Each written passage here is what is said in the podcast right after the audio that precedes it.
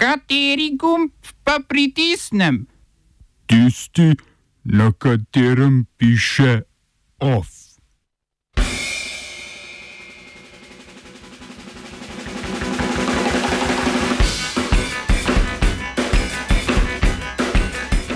Državni zbor zavrnil predlog levice za referendum o 780 milijonski investiciji v orožje.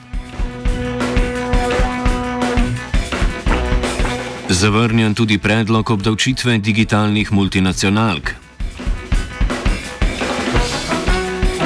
Na polskem stavka žensk in šesti dan protestov proti zaostritvi pogojev za splav. V Nigeriji po dvotedenskih protestih sprožena preiskava glede policijskega in vojaškega nasilja.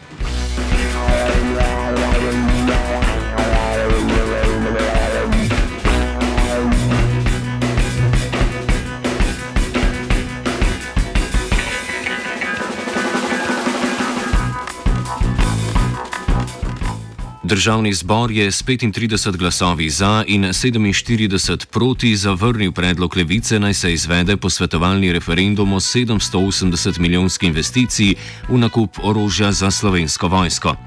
Referendum so poleg levice podprli v SAB, LMŠ in SD, nasprotovale so mu koalicijske stranke in SNS. Vodja levice Luka Mesec je v državnem zboru o investiciji povedal sledeče. Popolnoma razumem, zakaj vodilne članice NATO na čelu ZDA tako pritiskajo naj drugi povečajo izdatke za orožje. One imajo ogromno vojaško industrijo, ki živi od takih naročil. Za države proizvajalke orožja je teh 780 milijonov v kriznih časih v bistvu pomoč iz tujine. Kot bi zdaj nekdo v naša podjetja investiral 780 milijonov za ohranjanje delovnih mest, investicij, dobičkov. A z vidika našega gospodarstva pa je to najbolj nesmiselna potrošnja, kar si jo lahko zamislite. Kot rečeno, niti evro ne bo ostal v Sloveniji, razen tistega, kar si bo kdo odrezal s korupcijo, ne pozabimo na patrijo.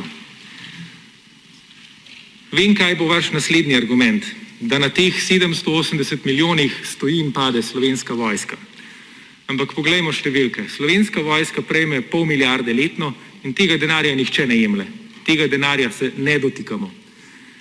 In čez pol milijarde na leto ne more preživeti, kljub temu, da živimo v mirnih časih, obdani samimi prijateljskimi državami, tri so članice NATO, ena je pa neutralna, potem je nekaj narobe z upravljanjem slovenske vojske, ne pa z njenimi financami. Za vojsko damo v deležu BDP več, kot recimo da sosedna Avstrija. In dalje, povejte mi, kdo nas ogroža, pred kom naj bi nas branilo to orožje, ki ga kupujete. Vlada se nekako trudi s telim spinom.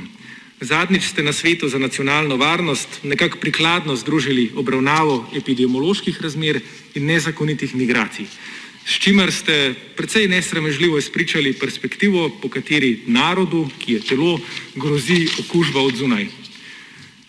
Pravim nesramežljivo, ker veste, Take ideologije smo skupaj 60 milijoni žrtev, ki so jih povzročile, pokopali leta 1945. Amen.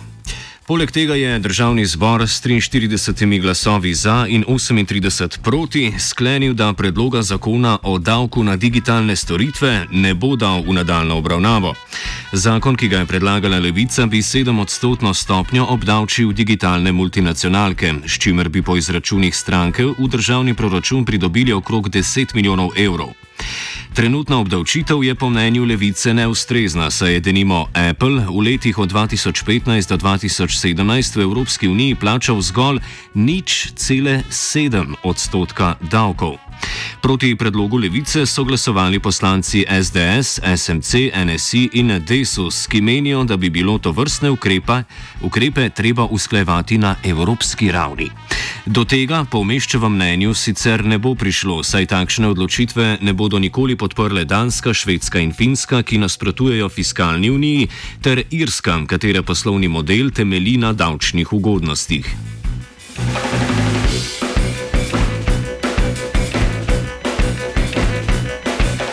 So pa imele opozicijske stranke nekoliko več uspeha v državnem zboru glede ukrepov proti epidemiji. Na predlog strank Levice, SAB, LMŠ in SD je namreč državni zbor odredil parlamentarno preiskavo protikoronskih ukrepov v času Janševe vlade. Preiskava naj bi ugotavljala morebitno nesmotrno porabo javnih sredstev in kršenje temeljnih svoboščin z nekaterimi ukrepi. Omenjene opozicijske stranke poleg tega krivijo vlado, da se ni ustrezno pripravila pripravila na drugi val epidemije. Na zahtevo koalicije medtem že poteka preiskava, ki preučuje utemeljenost podobnih obtožb, le da za časa Šarčeve vlade. Bliža se sezone, sezona gripe in cepiva je v večini zdravstvenih domov že zmanjkalo. Nove zaloge pričakujejo v drugi polovici novembra. Na NIJZ so ljudi pozvali k cepljenju proti gripi in vlada je v petem protikoronskem paketu sprejela sklep, da je letos cepljenje za vse brezplačno, vendar pa niso naročili dovolj odmerkov cepiva. Na veliko zanimanje verjetno vpliva tudi splošni strah pred okužbo z novim koronavirusom. Neposrednega učinka cepiva proti gripi na novi koronavirus znanstveniki in znanstvenice še ne poznajo. O vplivu cepiva proti gripi na okužbo z novim koronavirusom je sicer že objavljenih nekaj raziskav, ki pa še niso bile strokovno pregledane. Trenutne raziskave sicer kažejo na korelacijo, ki pa ni nujno vzročno-posledična. Letos je cepljenje proti gripi pomembno predvsem zato, da zavarujemo zdravstveni sistem pred dodatnimi obremenitvami. Druga past gripe pa je, da ima zelo podobne simptome kot COVID-19, kar pomeni, da se lahko novi koronavirus pod pretvezo simptomov gripe še toliko hitreje razširi po bolnišnicah. Avtori raziskave, opravljene na nizozemskem, predvidevajo, da bi cepljenje proti gripi lahko sprožilo močnejši odziv imunskega sistema tudi pri okužbi z novim koronavirusom. Pokazali so, da so tisti zaposleni v bolnišnici, ki so lansko sezono prejeli štirivalentno neaktivno cepivo proti gripi, redkeje zboleli za boleznijo COVID-19. Močan imunski odziv so pokazali tudi v poskusu na celični liniji človeških imunskih celic. Med objavami najdemo tudi raziskavo iz ZDA, ki sicer še ni bila strokovno odobrena. Ta ni pokazala statistično pomembne razlike med pojavom okužbe pri cepljenih in necepljenih osebah. Avtori obeh omenjenih raziskav pa zaključujejo, da cepljenje proti gripi na okužbo z novim koronavirusom ne vpliva negativno.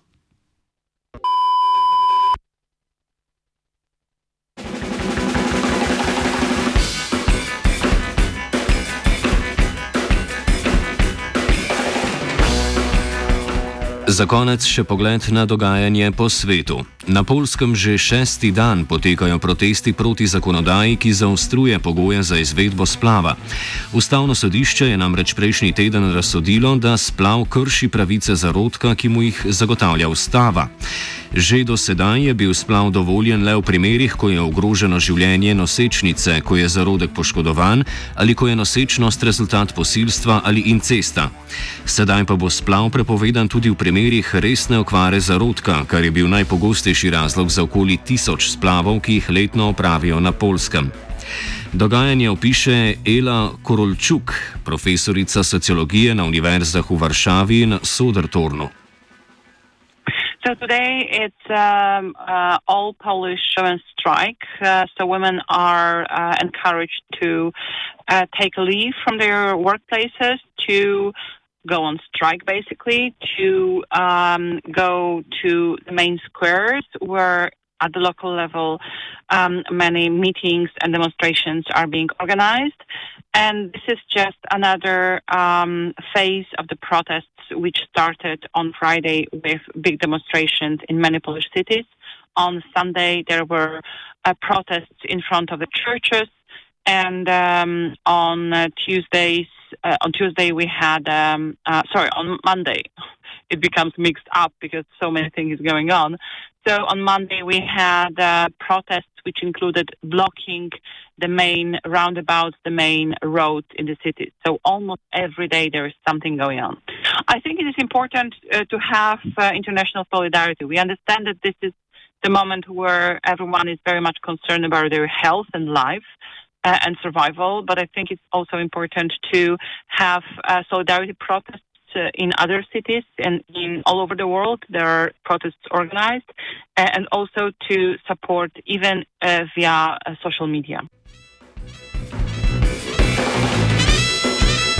Protestnice in protestniki pa ne zahtevajo le vrnitve k statusu quo, nadaljuje Korolčuk. Definitely, the idea is not to just come back to what it was, to, to what was, but uh, to liberalize the law and the list of demands uh, of the uh, Polish women's strike, the main um, organizing power behind this protest, the main organization and network, uh, is quite long. So it includes both support for people with um, disabilities, for uh, mothers, for uh, people who suffer from the outcome of the pandemic and lockdown uh, due to the COVID 19. And it also includes, um, as I said, liberalization of the abortion law and uh, access to uh, sex education, uh, contraception, and so on. So this list um, of demands includes both political, social, and economic issues.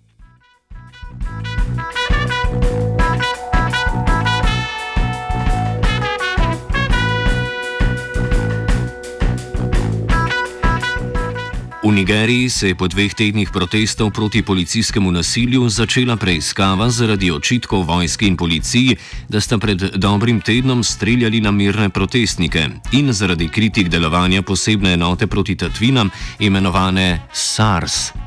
Največji protesti v državi v zadnjih 20 letih so se začeli z zahtevo po ukinitvi zloglasne enote SARS, ki jo krivijo nasilnosti, mučenja in kršenja človekovih pravic. Vlada, ki je že v začetku leta na javno pobudo obljubljala reformo enote, te še ni izpeljala. Njene ponovne obljube o reformi pa protestnikov niso pomirile. Nasprotno, zaradi streljanja na mirne protestnike 20. oktobra se je njihovim zahtevam pridružila še zahteva po neodvisni preiskavi dogodka, na katerem naj bi po poročanju Amnesty International umrlo vsaj 12 ljudi. K pomiritvi pa ne prispeva niti vlada, ki je posnetke streljanja označila za lažne, čeprav samega streljanja ni zanikala, ter napovedala reformo medijev in družbenih omrežij.